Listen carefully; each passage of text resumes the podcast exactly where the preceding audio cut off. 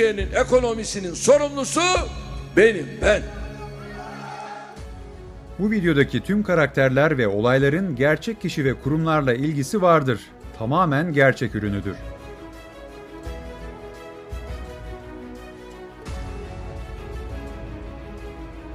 Paranın rengi, dini yoktur. Para paradır.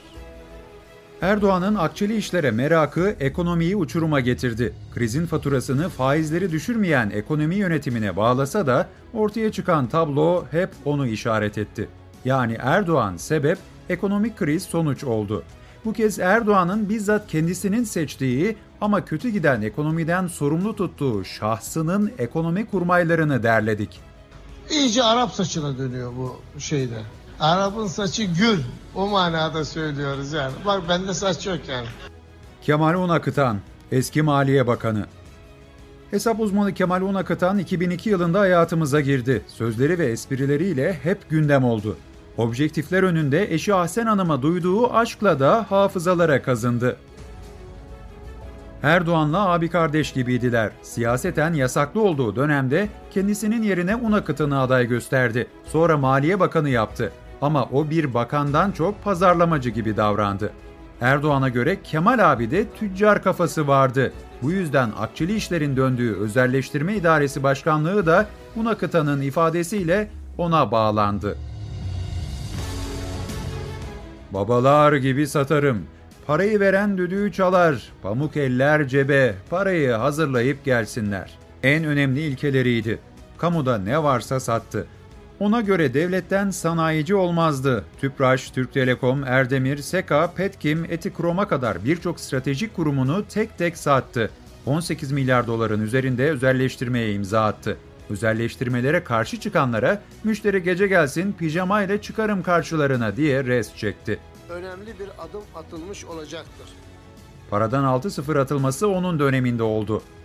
Oğlu Abdullah Unakıtan'a özel yumurta yasası çıkardı. Yine oğlu o dönemde mısır ithalatında haksız kazanç sağladı. Kızına ait şirketin GSM şirketleriyle ilişkileri ise çok konuşuldu. Objektiflerin karşısında hep gülümsedi. Böylece perde arkasında dönen akçeli işleri de perdelemiş oldu. Böyle lüzumsuz yere şeyler yapmayın, haberler yapmayın. Unakıtan 2009 yılında görevi bıraktı. Daha doğrusu bırakmak zorunda kaldı. Başarılı bir arkadaşımız bakanlığı devrediyoruz, devralıyor. Gerekçe sağlık olarak gösterilse de asıl neden Erdoğan'ın çözmesini istediği arazi meselesiydi. İddiaya göre Erdoğan bu arazi meselesi yüzünden Unakıtan'ın üzerine yürüdü. Bir süre sağlık sorunları yaşayan Unakıtan 2016 yılında vefat etti. Artık mezarın başına gelirsin o zaman belki para bulursun. Sırada Ankara Çıkrıkçılar Yokuşu'ndan Ali Babacan var. Erdoğan'ın isteği Abdullah Gül'ün ısrarıyla siyasete girdi. Ekonomik kariyeri başarılarla doluydu. Aynı zamanda olası bir hırsızlığa karşı cebinde sürekli iki cüzdan taşıyan bir esnaftı. Tedbir olarak hangi cepte olduğunu da söylemiyorum. İlk dönemlerde uyguladığı ekonomi programında da tıpkı cebindeki cüzdan gibi sıkı tedbirler aldı. Bir teknokrat gibi hareket etti. Bu stratejisi piyasalara güven verdi. 2001 krizinden çıkış için IMF reçetesini harfiyen uyguladı. IMF politikaları korumasında 2008 yılına kadar ekonomide büyüme hızlandı. Gerçi bu başarıyı Kemal Derviş'in AKP iktidarı öncesinde uygulamaya başladığı güçlü ekonomi programına bağlayanlar da oldu. Sayın Babacan dünyada rakamları iyi bilen, saygın bir insan. Bu dönemde kamu borcu azaldı, bütçe açıkları düştü, enflasyon kontrol altına alındı. Türkiye'nin kredi notu tarihinde ilk kez yatırım yapılabilir seviyeye çıktı. IMF'ye olan borç kapatıldı. Yani sürekli her yıl bir önceki yıldan daha iyi olacak şekilde götürdük bu işi. Ancak aynı Babacan, Türkiye ekonomisinde özel sektörü borçlandırarak tüketimi özendirdiği için hep eleştirildi. Ekonomistlere göre bu büyümeyi sunileştirdi. Türkiye'yi borçlanarak büyüttü. Cari açığın artması da Babacan'ın eksi hanesine kaydedilen bir not olarak kaldı. Ekonominin kırılgan yapısını buna bağlayanlar oldu. Ve en önemlisi AKP'de olduğu yıllarda Erdoğan'ın yandaşlarına peşkeş çektiği ihale sistemine de hiç itiraz etmedi. 17-25 Aralık'taki yolsuzluklar konusunda farklı düşündüğü kulislere yansısa da susmayı tercih etti. Hakkını da teslim etmek lazım. Adı rüşvet yolsuzluk haberine hiç karışmadı ama bürokratlarını organize işlerden uzak tutamadı. Yaptıklarımla ilgili hiç endişem yok ama keşkelerim kuşkusuz var. Yükselen döviz kuru Erdoğan'la arasını açtı. Erdoğan siyasi ikbalini korumak için faturayı Babacan'a kesti. Ekonominin gidişatını yüksek faizlere bağladı. Bu kavga ekonominin tabutuna çivi çakarken Babacan'la Erdoğan'ın yollarını ayırdı. Bunlar Halk Bankası'nı da dolandırmaya çalışıyorlar. Bizim değil, Erdoğan'ın kendi ifadeleri. Kim kimi dolandırdı biz bilmiyoruz ama Babacan dolandırıcıysa neden ekonominin kaptan köşkünde yıllarca oturdu? Erdoğan neden ses çıkarmadı? Soruları çoğaltabiliriz diyor, yorumları size bırakıyoruz. Devam edelim. Zafer Çağlayan, iş insanıyken siyasete girdi. 2011 yılında ekonominin patronu oldu. Onun döneminde de rakamlarla ekonomi büyümeye devam etse de Cumhuriyet tarihinin en büyük rüşvet ve yolsuzluk operasyonu patladı. Operasyonun ucu Erdoğan'a da dokundu. Çağlayan operasyonun baş şüphelilerindendi. saat aldığımı, saat verildiğini kim söylüyorsa namerttir, edepsizdir, ahlaksızdır.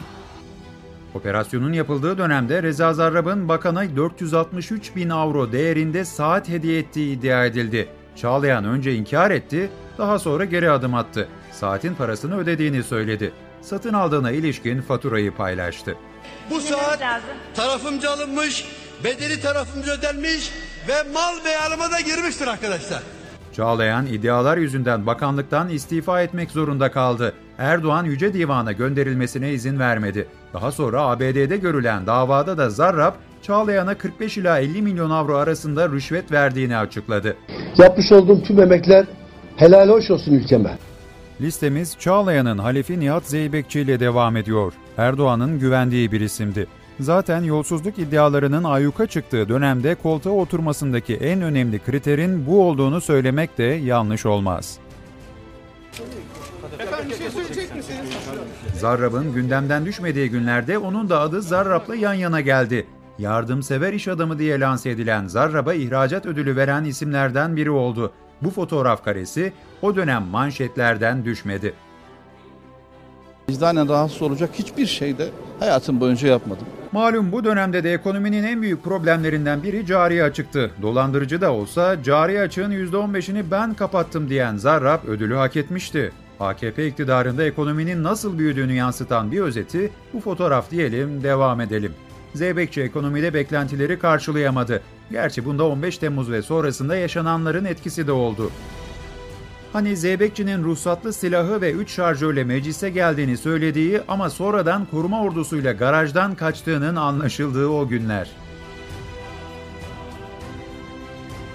15 Temmuz'u lütuf olarak gören Erdoğan'ın olağanüstü hali uygulaması yürürlüğe girdi. Bir gece yarısı çıkarılan KHK'larla her şeye müdahale edildi. O hal KHK'larıyla yüz binlerce memur ihraç edildi. Büyük şirketlerin mallarına el konuldu. Ekonominin maliyeti günden güne katlandı. Zeybekçi böyle bir ortamda bile ekonominin büyüdüğünü iddia etti. Pembe tablolarla göz boyadı. Allah'ın izniyle Türkiye'nin göstergeleri hep yukarıda olacak. Ancak deniz gezmiş gibi devrimciyim diyen Zeybekçi ekonomide devrim niteliğinde işlere imza atamadı. İzmir şarabını da marka yapamadan bir kenara çekildi. Şimşek Türkiye Cumhuriyeti'nin parasının başında. Para onda. Maliye Bakanı. Sırada bu kez Batmanlı yoksul bir ailenin 9 çocuğundan biri olarak hayata adım atan Mehmet Şimşek var. Ankara Üniversitesi Siyasal Bilgiler Fakültesi İktisat mezunu. İngiltere Exeter Üniversitesi'nden yüksek lisansı var. New York ve Londra'da ünlü finans kuruluşlarının ekonomisti oldu. Emerging Markets dergisinin Avrupa'da yılın Maliye Bakanı unvanını aldı. Foreign Policy dergisi tarafından da dünyanın en etkili 500 kişisinden biri olarak gösterildi.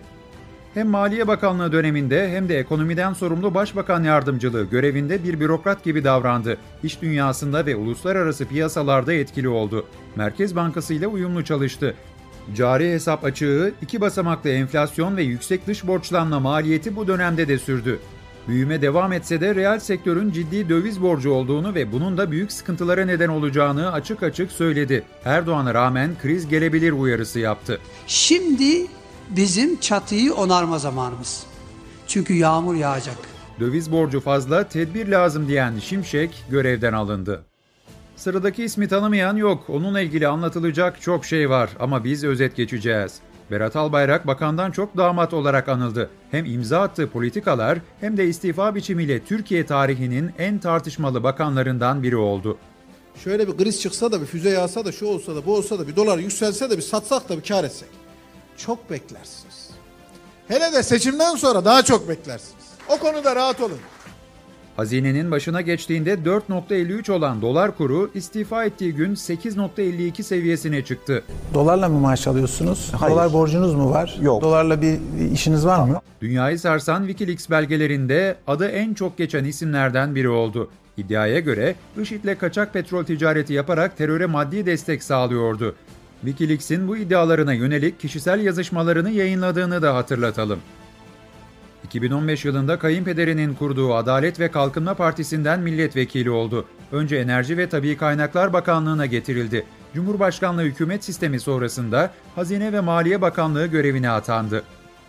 Bakanlığı döneminde işsizlik, enflasyon ve döviz kurları hep yükseldi. Üretim ve ihracat azaldı. Merkez Bankası'nın rezervleri sürekli eridi. Hazinedeki 128 milyar dolar buhar olup uçtu.